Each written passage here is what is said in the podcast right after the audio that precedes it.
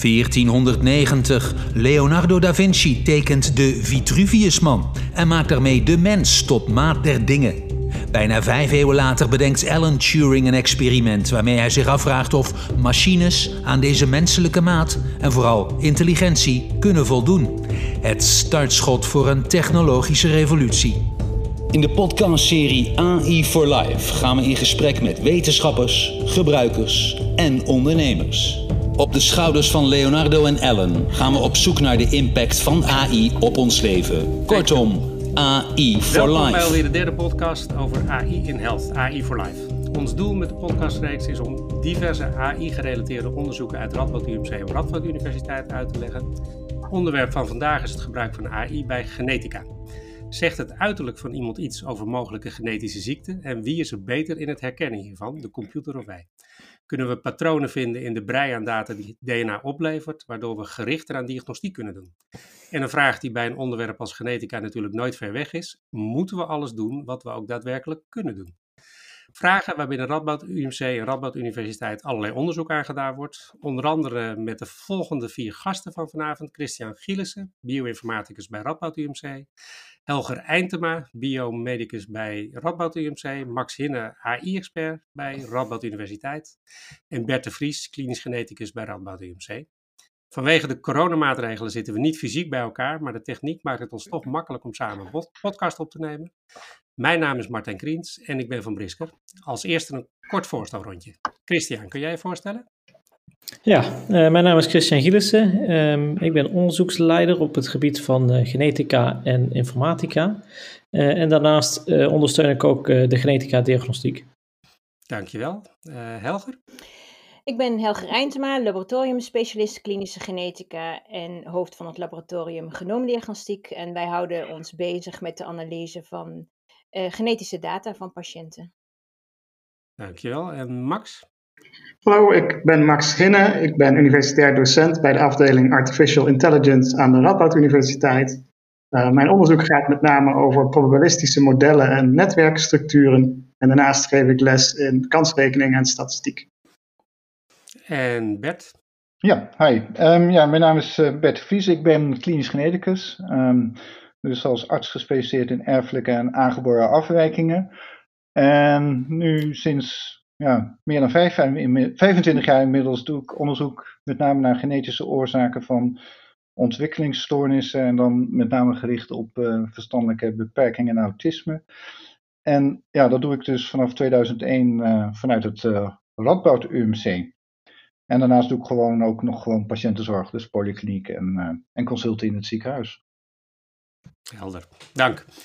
Eh, ja, nou laten we maar het onderwerp eh, induiken. Eh, misschien kun jij als eerste, Bert, uitleggen wat jouw onderzoek inhoudt? Ehm, ja, nou ja, goed. We doen eigenlijk een aantal dingen met, met de AI. Ehm, en ehm, ja, een van de belangrijkste dingen dus waar we nu mee bezig zijn, wat heel erg leuk is, dat is dus te kijken wat de mogelijkheden zijn van facial recognition tools. En dan met name voor het herkennen en, en diagnosticeren van syndromen. En ehm, ja, dat lijkt misschien een beetje ver van je bed, maar eigenlijk zijn we daar eigenlijk best wel bekend mee. Ehm, dat bepaalde syndromen, of laat ik zeggen, eh, aandoeningen met ontwikkelingsstoornissen, een deel van valt binnen, binnen syndromen. Ehm, en, eh, en is dan ook herkenbaar aan het gelaat. En eigenlijk een van de bekende syndromen is dan denk ik het Down-syndroom, wat iedereen wel eh, eh, herkent. eh, en eigenlijk ook kan diagnosticeren op die manier. En dat komt eigenlijk gewoon ook doordat, ehm, ja, twee dingen eigenlijk. Het komt vaak voor. En wat je daarnaast ook ziet, is het is heel erg herkenbaar. Wat je nu ziet is dat wij in genetica te maken hebben met hele zeldzame syndromen, ehm, die dus heel weinig voorkomen. Vaak zie je berichtgevingen in de literatuur van een tiental patiënten. Dat betekent dus dat het heel zeldzaam is en vaak is het ook niet zo goed herkenbaar als ehm, ehm, voor de dokter. Ehm, vaak heeft de dokter ze niet eens eh, ooit eerder gezien. Dus dat maakt het wat lastig. En daarvoor proberen we dus eh, samen met de AI, maar we zijn niet de enige, maar de wereldwijd is daarmee mee bezig, om dus facial recognition tools te gebruiken. En, en eigenlijk is men daar al heel vroeg mee begonnen, in de, in de jaren negentig. Ehm, ik herinner me dat ik eind jaren 90 stage gelopen heb in, in, in Londen, in Great Ormond Street Hospital. En er was een bekende dysmorfoloog, Robin Winter, die helaas overleden is. En die was er al mee bezig eigenlijk om te kijken wat de mogelijkheden zijn voor face recognition. Maar dat ging toen nog heel erg primitief. Uh, je kreeg dan een spray op je gezicht met een beetje metaal erin en dan moest je een half uur stilzitten. En dan maakte ze dus een soort dodenmasker. Dat werkte dus nog niet zo erg, maar het werkt, ze zijn al lange tijd bezig. En eigenlijk wat je dus ziet is, um, en dat gaat dus om een mooie paper in 2014 van een groep in Oxford. Um, en wij bij ze op basis van 2D-foto's uh, in staat zijn gebleken om um, met een achttal syndromen um, goede analyses te doen. En dat is echt de eerste stap. En dat hebben wij ook opgepikt, want dat is de groep uh, van Chris Nelleker uit Oxford. En uh, wij zijn daar mee gaan samenwerken en we hebben daar nog een, een, een model aan toegevoegd. Um, en dat heeft uiteindelijk geleid tot een, ja, wat dan heet een hybrid model. en dat gebruiken we dus nu. Um, ja, want dat is normaal waren dat een aantal referentiegezichten, moet ik dat zo zien, zeg maar? Dat mensen eh, de, de, de, dat vergeleken daarmee, zeg maar, om te kijken wat de diagnostiek was? Ja, dus, dus je, um, ja, dus je, wat, we, wat, wat wij dus doen is, is um, we hebben dus foto's van uh, kinderen waarvan we weten wat ze hebben, dus een bekend syndroom. en die vergelijken we dan, en dat zijn wel uh, syndromen met een ontwikkelingsachterstand. Uh, en die vergelijken we dan met andere kinderen met dus als sex-age matched, uh, met ook een ontwikkelingsachterstand. En dan vervolgens um, uh, train je het algoritme. En in dit geval maak je gebruik van twee algoritmes. Dus het algoritme wat men in Oxford ontwikkeld heeft. Dat heet dan het Clinical Face Phenotype Space. Um, en we combineren dat met een tweede algoritme, dat is OpenFace. En dat is voor menig misschien wel een bekend ding, want dat is ontwikkeld door Google. En dat laatste is eigenlijk ontwikkeld gewoon op miljoenen normale gezichten, zullen we maar even zeggen. En die twee combineren we dus om um, uh, tot, tot wat we dan genoemd hebben een hybrid model, um, waarmee we dus onze eerste analyses uh, gedaan hebben. Nou, want de, de, de, ik kan me voorstellen, er wordt natuurlijk ontzettend veel geïnvesteerd in, in, in facial recognition software. Ja. Is dat dan ook gewoon relatief standaard software die jullie daarvoor kunnen gebruiken? Um, nou ja, die, die, die, die clinical dus die, dat algoritme, software algoritmes, even hoe je het wil noemen, uh, wat ontwikkeld is in Oxford, dat, dat kunnen wij gebruiken. En die open face, ja, dat is een algoritme wat je, wat je ja, kunt toepassen. Ja, en dat is, kan iedereen in principe toepassen, maar je moet wel een slimme manier doen natuurlijk. En dat gaat met name om uh, uiteindelijk uh, de analyses die je doet. En de, de, is, de, is de computer daar dan beter in of, of, of slechter dan de, de betere artsen of ja, ja, dat dan ook doen? Kijk, kijk het, um, het probleem met, met die hele zeldzame syndroom is eigenlijk dat je uh, als klinicus geen ervaring hebt. Hè? Want als, je, als er tien beschreven zijn wereldwijd, dan, ja, dan weet je dat dus niet.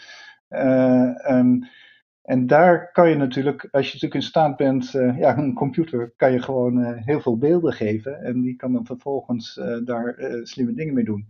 De vraag is dus, um, kijk, als wij naar een, foto kijken, dan, dan eigenlijk hebben wij natuurlijk ook een algoritme in ons, min of meer. Dat, um, ja, jij herkent Down syndroom, simpelweg omdat je dat vaker gezien hebt en, en je kan daar vervolgens je conclusies aan verbinden. Uh, zo is een ervaren klinisch geneticus ook getraind en die, heeft dan, uh, uh, die kan op basis daarvan een selectie maken. Maar met name um, als je natuurlijk weinig ervaring hebt, dan is het een stuk lastiger. Um, en is de computer beter? Ja, ik denk dat de computer uiteindelijk wel beter gaat worden, omdat hij gewoon uiteindelijk sneller is. Maar waar het natuurlijk wel om gaat is, en, en, en daar zit natuurlijk een beetje de, de catch, um, dat je in feite te maken hebt zeker vanuit mijn perspectief, met een soort black box eigenlijk. Hè? Dus dat je, um, je moet al de juiste data invoeren uh, uh, om de goede data eruit te krijgen. Volgens het bekende principe rubbers in, rubbers out. Um, dat moet je zien te vermijden. Dus ja. de computer of het algoritme ziet dingen die wij niet zien. Dat denk ik wel. Ja, of zien is misschien niet het juiste woord, maar kan dus dingen. Uh, daar zit ook het gevaar in dat een computer dingen ziet die helemaal niet van belang zijn. Ja. Um, ja. Ja, nee, want dat is natuurlijk de, de, hoe precies je inderdaad naar dit soort dingen gaat kijken. Dan zie je op een gegeven moment inderdaad ook dingen die misschien niet, niet relevant zijn in de praktijk. Uh, want zie je dan ook dat het aantal ziektes die op deze manier bepaald kunnen worden, of, of afwijkingen, hoe noem je dit, uh, dat dat uitgebreid kan worden als het ware, dat je preciezer kan gaan worden? Nou ja, wat wij dus doen, en dat sluit ook heel goed aan bij uh, het werk van Helga en Christian, uh, is, is dat je op een gegeven moment, um, je kunt dus analyses doen en dan vind je een variant in een bepaald gen. Uh, en dat, die variant is dan nieuw ontstaan bij dat kind. Um, en dan, maar die is wel uniek voor dat kind. Dat is, noemen we dat vaak, dat zou bijvoorbeeld een missense variant kunnen zijn. En dan is even de vraag, lijkt dat kind op alle andere kinderen met een uh, variant of een uh, verandering, een mutatie in dat gen. Um, en daar kan facial recognition een, een, een, rol bij spelen. Wat we dus nu doen is dat de dokter kijkt naar dat kind en die, en die gaat vervolgens naar de literatuur en die gaat kijken, hé, hey, er zijn tien kinderen beschreven die, die met hetzelfde en lijken ze een beetje op elkaar. En dan, dat lijken kan dus zijn dat ze, meestal hebben ze allemaal een ontwikkelingsachterstand, maar dat lijken kan dus ook in het gelaat zitten. Net zoals je dat met Down syndroom ziet.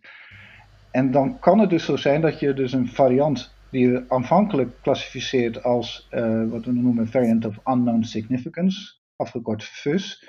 Je kunt zeggen ja, nou ja, als ik er nu naar kijk, um, als klinicus, dan denk ik toch dat dit de oorzaak is. En daarbij kan uh, facial recognition tools een uh, zeer belangrijke bijdrage, bijdrage leveren. Maar dan weet je al iets meer van het genotype. Um, en de volgende stap is natuurlijk dat, um, maar zover is het nog niet. Er zijn wel um, bedrijven die claimen dat ze dat hebben. Dat je zegt, ik kan een foto uploaden en dan gaat zo'n uh, algoritme gaat gewoon op zoek naar uh, in, ja, zijn of haar bestand. Uh, als algoritme, ik weet niet of het mannelijk of vrouwelijk is. Die gaat dan op zoek naar een link met een, met een ander gelaat en probeert op die manier een diagnose te stellen. Maar daar is het nog wel early days voor. Ja, maar wat, want jullie doen dat dus doen met, met gezichtshek, uh, de, de, facial recognition. Uh, ja. Maar waarom niet gewoon standaard het DNA sequencen en, uh, ja, doen we ook. bekijken? Doen we ook.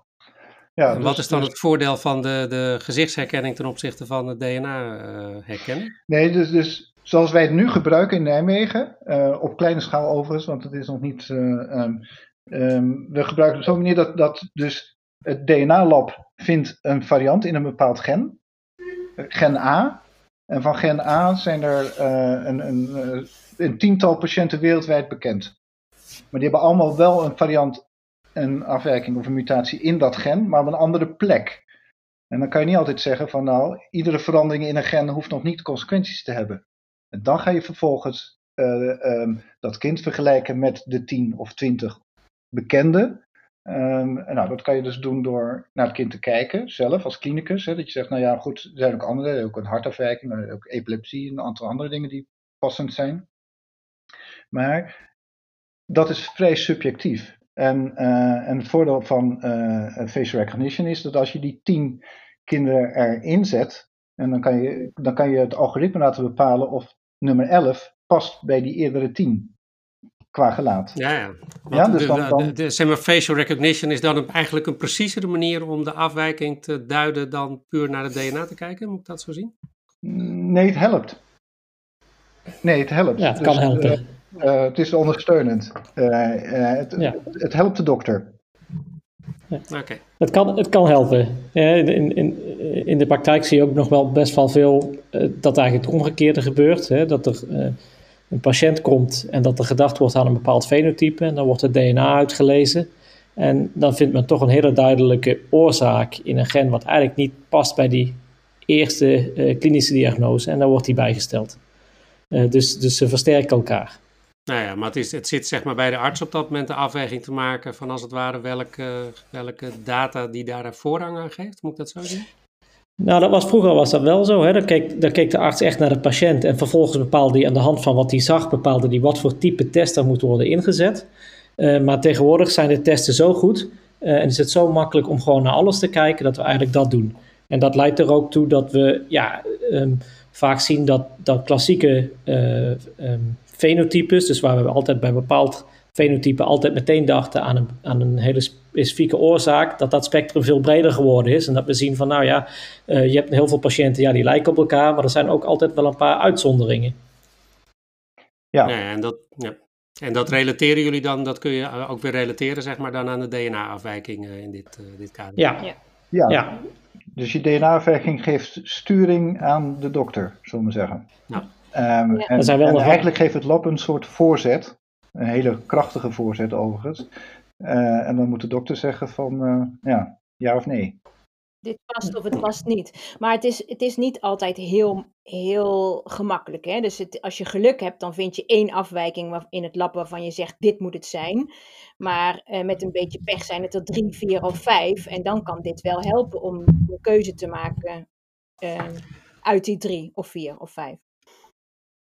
Ja, en dan vooral ook de, de combinatie van die twee dingen, begrijp ik, ja. uh, die je dan gebruikt. Ja, precies. Het moet elkaar bevestigen. Ja. Dus een, een, um, waar, waar Bert eigenlijk kijkt naar de voorkant en echt kijkt naar van hoe ziet het gelaat van de patiënt eruit en wat moet ik dan verwachten aan uh, veranderingen in het DNA, um, werken wij juist aan, um, ja, stel we, we kijken naar het DNA en we vinden dan zeg maar ja, 20 veranderingen die allemaal iets met die ziekte te maken kunnen hebben, uh, kunnen we dan uh, dat geautomatiseerd prioriteren. Kunnen we eigenlijk op basis van al die genetische variaties die we zien, dan ehm, de, de specialist een aanwijzing geven welke veranderingen nou het meest relevant zouden kunnen zijn voor de patiënt. Nou, ja, en, en, en hoe... als, als, ik, als ik dat dan weer krijg, uh, dus ik zit aan de voorkant en aan de achterkant. Uh, maar de achterkant wordt steeds belangrijker dus. Want dan krijg ik dus van Christian en Helger krijg ik dan een voorzet van, nou ja, in dat gen is een variant gevonden. Uh, en dan ga ik dus normaal gesproken, dat doe ik nog steeds overigens en mijn collega's ook, vergelijk je dat dus met andere kinderen met een afwijking of een mutatie of een variant in dat gen. En daar gaat facial recognition enorm bij helpen, want dan ga je zeggen van, uh, geeft het algoritme ook aan dat dit kind meer lijkt op die tien anderen dan op een willekeurig ander kind. Ja. En waar kan dit toe leiden? Want zeg maar, kijk, het, het voorbeeld van uh, kinderen met Down, dat is natuurlijk altijd, hè, dat is een heel bekend voorbeeld hiervoor. Maar is het op een gegeven moment, door middel van dit onderzoek, op een gegeven moment ook zo dat je zou kunnen zeggen van, hé, hey, uh, aan de hand van de gezichtskenmerken, uh, en vervolgens ook de, in het vervolg daarna DNA. De, de, kunnen we heel goed voorspellingen doen, bijvoorbeeld ook of iemand, ik noem maar eens wat, darmkanker krijgt? Um, of is dat echt een heel ander gebied dan. Nou, ja het, is, ja, het is wel een beetje een ander gebied, maar het, het kan wel zo zijn dat op het moment, maar dat, dat in die zin is dat niet anders dan met of zonder facial recognition, dat je dus een diagnose stelt bij een kind, een bepaalde syndroomdiagnose, en dat uh, kinderen met die diagnose of met dat syndroom een grote kans hebben op uh, andere afwijkingen. En dat zou kanker kunnen zijn, hoewel dat, uh, maar, of op aangeboren hartafwijkingen of op aanlegstoornissen van de nieren. En dan kan je het kind daarop vervolgens op nakijken, controleren ook. Ja, dus het draagt wel bij, maar in die zin niet veel anders dan toen de dokter alleen nog maar keek.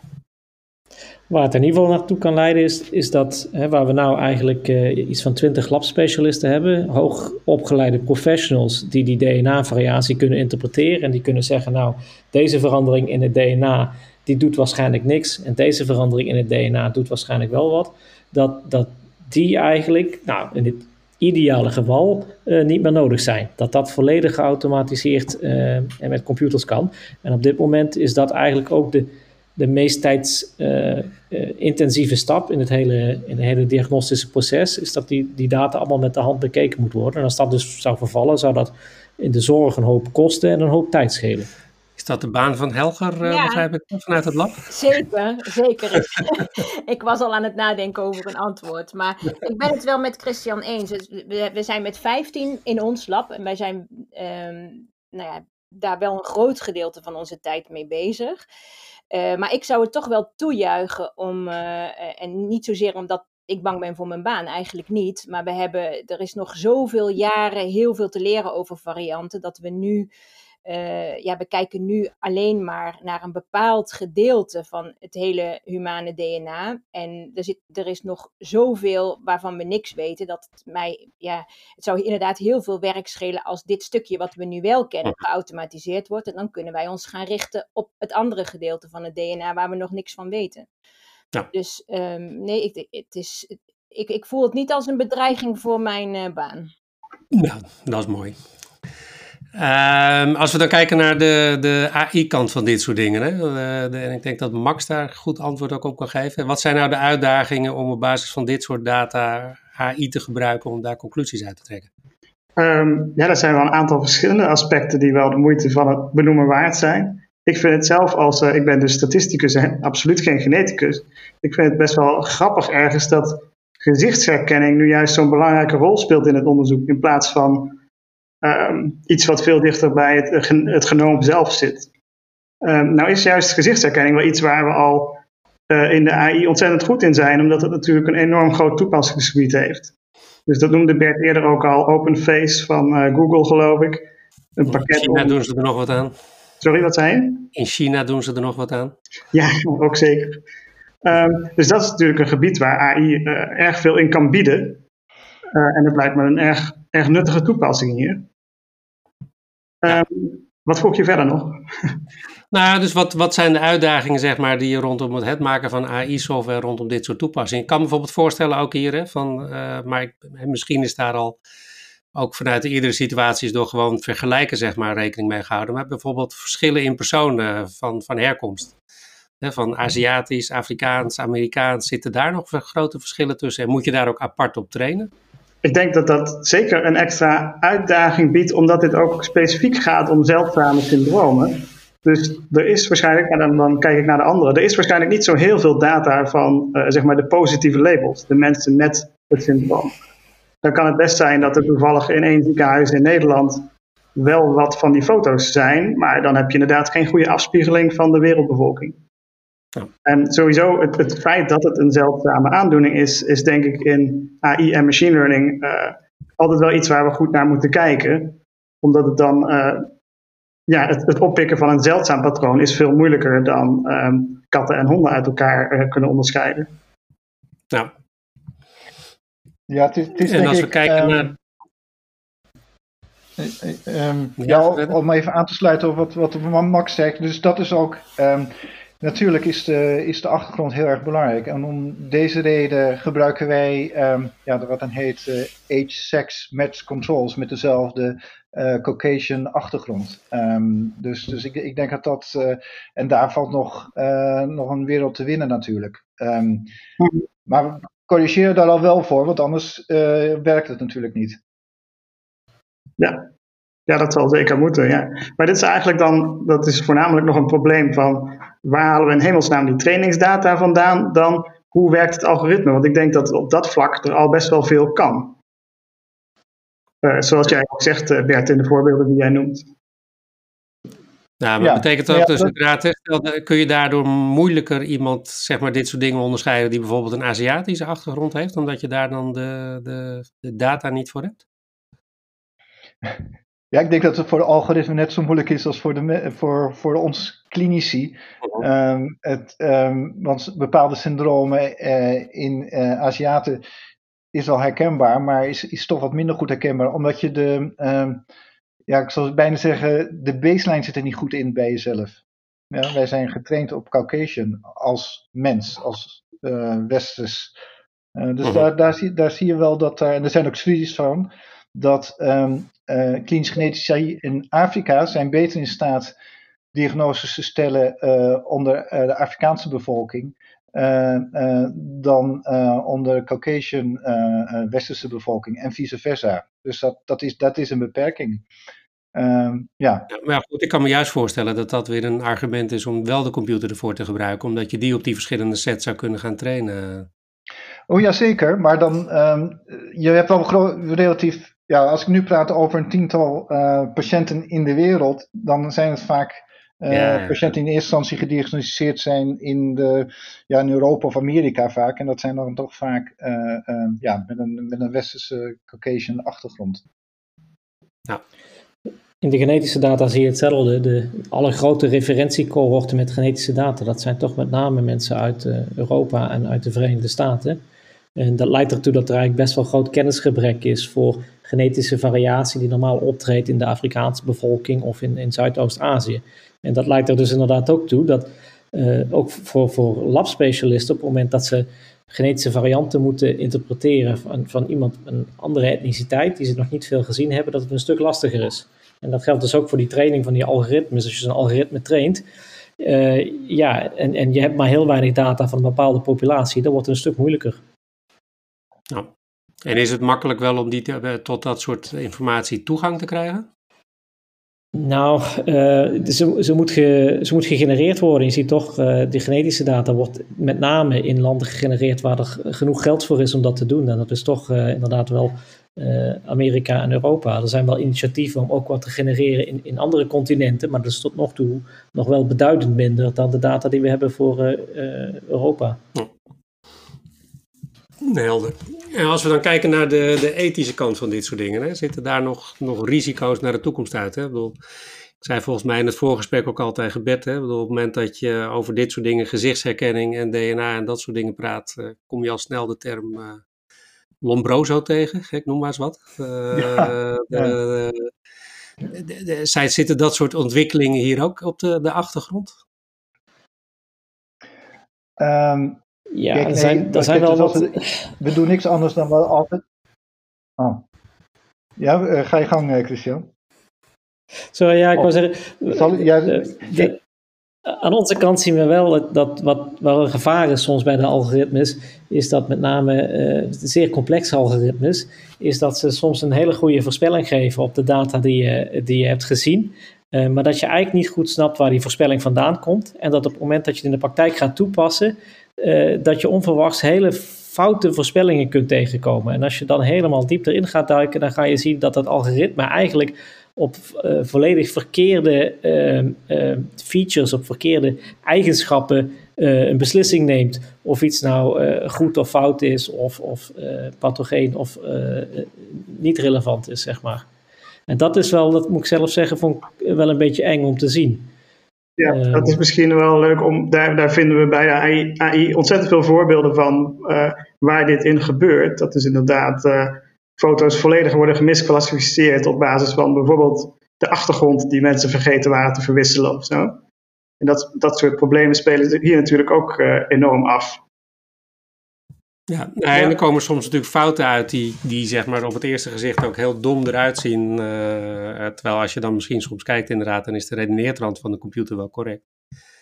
Maar ja, uiteindelijk, sorry, uiteindelijk zijn de, de algoritmen van de computer niet uh, verkeerd, denk ik. Alleen wij verwachten dat ze leren op een manier zoals wij. En dat is niet zo.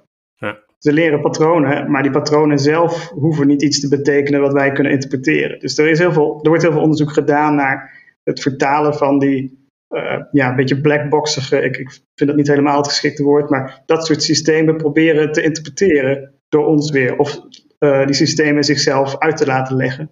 En ik denk dat we dat wel heel hard nodig hebben om dit soort um, issues aan te kunnen. Ja, nee, dan kom je een beetje in de richting van de explainable AI-achtige dingen, bedoel je dan? Ja. Uh, ja. Maar, ja, nou, Oh, sorry. Dus er zit ook een, uh, zit ook een uh, positief een kans daar. Hè? Het kan ook zo zijn dat, um, uh, mits het algoritme netjes doet wat hij doen moet, juist dingen kan waarnemen die wij als mens niet kunnen waarnemen. En die mm dus wel zijn. Dus, dus het, het, is niet alleen een threat, maar ook een opportunity. Wel, maar het, het lastige is volgens mij altijd dat je wel dan moet ophouden. Dus op het moment dat je niet meer kunt snappen waarom die tot die conclusie is gekomen, moet je dat voor waarheid aannemen. En dan is het soms, uh, soms lastig om dat te interpreteren. Ja, maar ik denk wat Bert bedoelt, misschien, ik weet niet zeker of dat is wat Bert bedoelt, maar wat we ook zien op het moment dat een computer heel goed is in het voorspellen van of een variant een ziekte veroorzaakt, um, kun je bijvoorbeeld ook ziektes oppikken waar die patiënt in eerste instantie niet voor bij de dokter kwam. Dus in zo'n kind met een verstandelijke beperking kun je als de computer het goed doet, krijg je misschien wel terug dat er een erfelijke aanleg voor kanker is in, bij dat kind en bij de familie.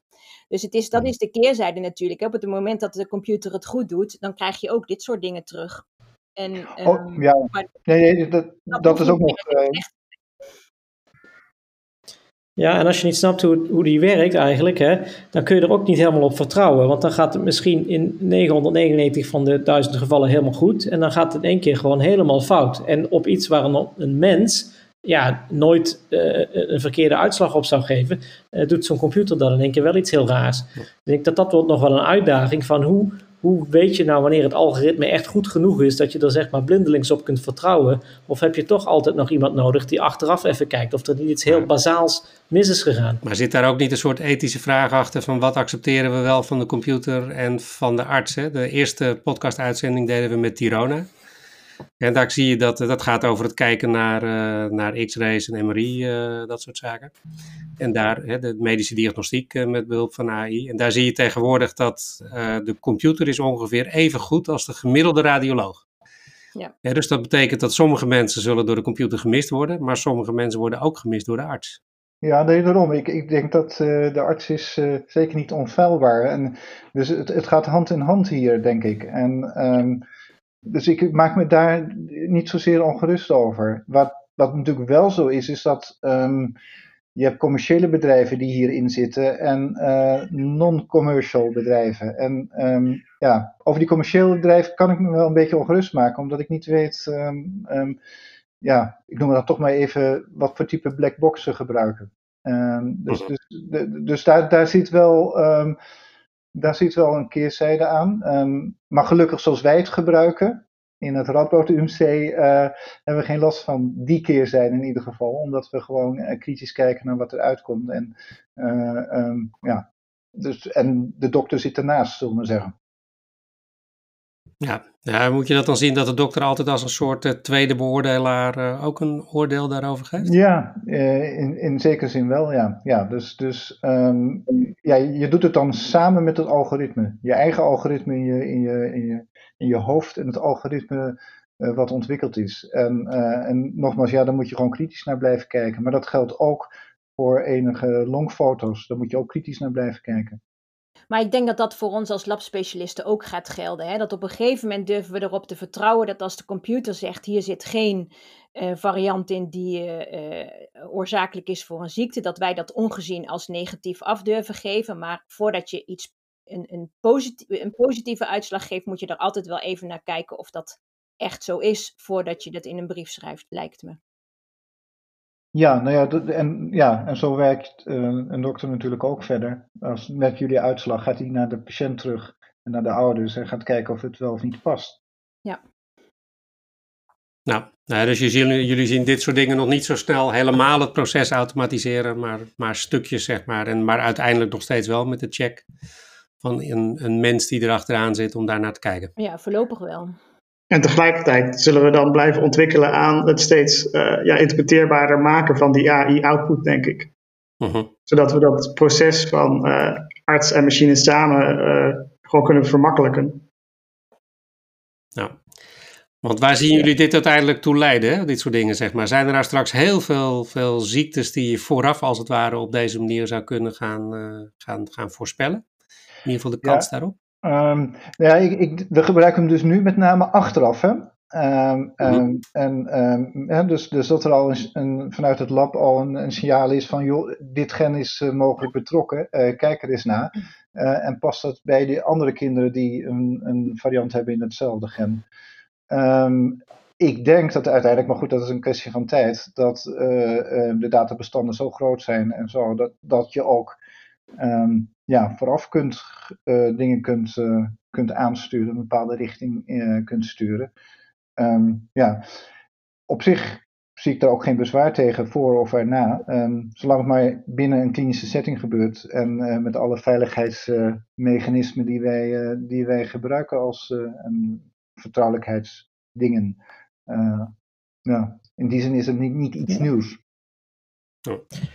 En, en de hoop is natuurlijk ook dat um, het DNA is, Helge zei het al, echt ontzettend complex. Dus we kennen een deel van het DNA kennen we redelijk goed, maar er is een, heel groot deel van het DNA waar we eigenlijk heel weinig van snappen. En de hoop is dus ook, en dat zie je nou ook al in de vakliteratuur, is dat dit soort uh, algoritmes ons wel uh, iets leren over hoe, hoe dat DNA nou eigenlijk precies werkt en, en waarom het doet wat het doet. En ik kan me zelfs voorstellen dat dat in de toekomst, als, dit, als echt heel veel data zijn, om dat soort modellen goed te trainen, dat die modellen inderdaad beter, ja, ik wil niet zeggen snappen, maar beter genetische data kunnen interpreteren dan dat wij dat kunnen. En dat we op een gegeven moment denken, ja, we snappen misschien zelf niet waarom dat dit nou, deze verandering nou dit effect heeft, maar ja, het wordt zo voorspeld en het blijkt ook zo te zijn. Ja, ik ben... Een beetje eng, maar ja. ja. Nou ja, voor, voor dit soort toepassingen is het natuurlijk wel juist heel belangrijk om bij heel veel patiënten zo, zo ruim mogelijk DNA-onderzoek te doen. Hè? Dus als je, eh, als wat Bert zegt, ehm, als, als zo'n facial recognition ooit eerst gedaan wordt en je kunt dan gericht een patiënt uh, testen op, op een variant in één specifiek gen, daarmee kun je niet je hele AI-cohort optuigen. Dus van, van onze kant zou het gunstiger zijn om juist bij zoveel mogelijk mensen heel breed DNA-onderzoek te doen, zodat je veel meer te weten komt over, over variatie in het DNA in het algemeen. Nou, en leidt dat dan uiteindelijk tot, misschien trek ik het nu veel te ver, zeg maar, dat we, hoe beter we dat soort dingen kunnen, dat op het moment dat je geboren wordt uh, er een soort DNA-paspoort met allerlei risico's uitkomen? Ja, zeker. Ik denk dat is, dat is onvermijdelijk de toekomst. Ik weet niet of wij dat uh, nog mee gaan maken, maar ik denk dat, uh, dat, dat dat wel de toekomst is. En je hoeft niet alles meteen uit te lezen. Hè? Dus je kunt je voorstellen dat er wel het DNA helemaal in kaart wordt gebracht net na de geboorte, maar dat je daar alleen de ziektes uithaalt die nu in de hielprik zitten bijvoorbeeld. Uh, maar dat je later, omdat het toch in de computer zit, het gericht uit kunt lezen voor andere dingen. Je hoeft niet meteen alles te analyseren wat je al in, je, in, het, uh, in de computer hebt staan. Ja, maar het lastige altijd natuurlijk is, zeg maar, dat wat er is, dat wordt op een gegeven moment gebruikt. Hè? Dus de vraag is ook altijd bij dat soort dingen, wat voor consequenties heeft dat? Voor nou, onder andere dingen als risicoprofiel bijvoorbeeld. Uh. Ja, daar kan je afspraken over maken wat je wel of niet mag gebruiken. Ik denk dat dat, uh, en met name in de genetica is men daar uh, uh, heel zorgvuldig in, dat daar goede afspraken over gemaakt worden. Um, daar zijn dus allerlei veiligheidsmechanismen in place. Um, ja, dus ik maak mij daar zelf niet zo ongerust over. Um, ik kan natuurlijk niet spreken voor wat elders gebeurt. Nee, nee want ik kan me voorstellen, per land kan dat verschillend inderdaad zijn. Dat bedoel ik, ja. Ja, en eh, weet je, als je dat zo inricht, weet je, dan is het ook dan is het goed geregeld. Terwijl als je nu kijkt, er zijn genoeg commerciële bedrijven op de markt waar je uh, je DNA kunt laten testen. En dat DNA-informatie, die wordt daar ook allemaal bewaard bij die bedrijven. En je tekent er vaak voor dat ze daar ook dingen mee kunnen doen. Ja. Uh, dus ik denk dat op het moment dat het een officieel genetica-paspoort wordt, zeg maar, met, met alle wetgeving daar rondomheen, dat misschien wel veel veiliger is dan de manier waarop het nu gaat, dat je jezelf bij een commercieel bedrijf laat. Ja, dat bedoel je uh, 23 and Me en dat soort uh, toepassingen. Ja. Ja. ja. Ja. ja, dat zijn wel spannende ontwikkelingen inderdaad. Oké, ja, uh, ja, we beginnen een beetje richting het, uh, het einde van de tijd uh, te komen. zijn er nog belangrijke dingen die jullie over deze ontwikkeling mee willen geven? Wie wil daar nog wat over zeggen? Um, nou ja, ja. Bert helemaal eerst. ja, maar het maakt mij niet uit. Nee, het biedt gewoon enorm veel kansen. En, en, en we kunnen daar zorgvuldig mee overweg. Uh, natuurlijk zijn er altijd dingen uh, dat je tegen, tegen kunt werpen. Ik bedoel, uh, ja, met een mes kan je goede dingen doen en minder goede dingen, zoals, om zo te. Wij, je kunt hier hele goede dingen mee doen met, met AI. Zolang je maar wel weet wat je doet en, en de juiste veiligheidsmechanismes inbouwt. En ik denk dat dat heel belangrijk is. En ik moet zeggen, daar zijn we in Nederland en in Europa en ook in de Verenigde Staten vrij goed op. Ja, helder. En Helger, kun jij nog wat... Ja, ik ben, er zijn heel veel mensen die, die bang zijn voor dit soort eh, DNA-toepassingen. En, uh, maar dat, dat hoeft helemaal niet. En het is inderdaad belangrijk om goede, goede regels met elkaar af te spreken. En, en goed aan mensen te vragen wat ze precies willen, mensen goed voor te lichten. En dan um, is dit denk ik nou ja, een, een hele grote toekomst in, het, in het verschiet. Helder. Christian, wil jij nog wat meegeven? Ja, nou, ik, uh, ik denk, wij, wij praten nou heel erg over uh, genetica diagnostiek, maar als je met name kijkt naar het, onderzoeksveld, en dan gaat het toch om het begrijpen van fundamentele biologie en, en inzicht krijgen in biologische processen, dat AI daar echt enorm hot en booming is en daar uh, ja, enorme progressie weet te maken in velden die voorheen ja, totaal onontgonnen waren en waar niemand zich aan durfde te wagen. Dus je ziet wel nu al het potentieel, weliswaar nog met name in het onderzoek, maar ja, het is wel ontzettend gaaf gewoon. Ja, je ziet dus, begrijp ik, dat er zijn nieuwe mogelijkheden vanwege het feit dat we AI tot onze beschikking hebben, onder andere vanwege de hoeveelheid data waar het om gaat, zoiets? Ja, ja er wordt hele complexe data gegenereerd, die gaan verder dan alleen DNA. Er wordt ook gekeken naar expressie van genen, naar methylering, epigenetische effecten. En al die data, ja, dat is zo ontzettend complex. En dankzij al die AI-ontwikkelingen die nu zijn, zijn we nou in staat om daar toch iets mee te doen en daar echt nieuwe biologische inzichten uit te halen. En ik denk dat veld is nou, ja, dat, dat, begint, ja, dat komt aan de kook, zeg maar. Ja, nee, dat is heel interessant. Uh, Max, heb jij nog een laatste uitsmijter? Uh, nou, ik denk dat iedereen uh, de positieve dingen hartstikke goed al benoemd heeft. En dat we van AI uh, in dit vlak nog heel veel gaan horen. En tegelijk denk ik dat het wel heel goed is dat we dit soort discussies hebben. Om zeker ook die ethische kant nu al te bediscussiëren. En niet als we over tien jaar verder denken van ja, daar hadden we het toch over moeten hebben. Dus ik, ik vind dat een hele goede ik denk dat we dat vooral moeten blijven doen. Naast uh, al die hele leuke ontwikkelingen die we ook kunnen maken met AI. Ja, uh, eens een, mooi voorbeeld wat iemand me op een gegeven moment ooit een keer vertelde. Dat ging toen over EPD. En, en hè, nou, dat was allemaal keurig eh, beveiligd allemaal in dat soort zaken. Maar toen zei een ethicus ook tegen me zo van... Ja, maar stel je voor dat het, het, het EPD nu altijd voor iedereen zeg maar oproepbaar is. Uh, ja, hoe voorkom je bijvoorbeeld op, op, een gegeven moment dat de werkgever uh, de sollicitant niet verplicht om uh, in dit geval zijn DNA-paspoort even te laten zien, als hij daar beschikking toe heeft. je moet inderdaad soms met dit soort dingen rekening houden met meer complexiteit en gedrag dan, dan je zou willen. Maar mooie ontwikkelingen die hier, uh, hier achteraan zitten. Goed, uh, ja, we komen aan het eind van, uh, van de podcast. Jullie hebben geluisterd naar de podcast AI for Life met als onderwerp AI in genetica. Ik dank de gasten van vandaag, Christian, Helger, Max en Bert. Volgende editie over een paar weken gaat over hoe AI het leven van Parkinson-patiënten kan verbeteren door onder andere betere betekenis te geven aan allerlei data die er verzameld wordt, die op zich allemaal niet betrouwbaar zijn, maar in combinatie met elkaar en met AI omgezet kunnen worden van ruis naar, uh, naar signaal. Tot de volgende keer en uh, bedankt voor het luisteren. Tot ziens. U luisterde naar een podcast van AI for Life. Maandelijkse praktijkverhalen vanuit Health en High-Tech Hotspot Nijmegen. En vanuit het regionale netwerk LifePort over hoe AI kan bijdragen aan betere kwaliteit van leven.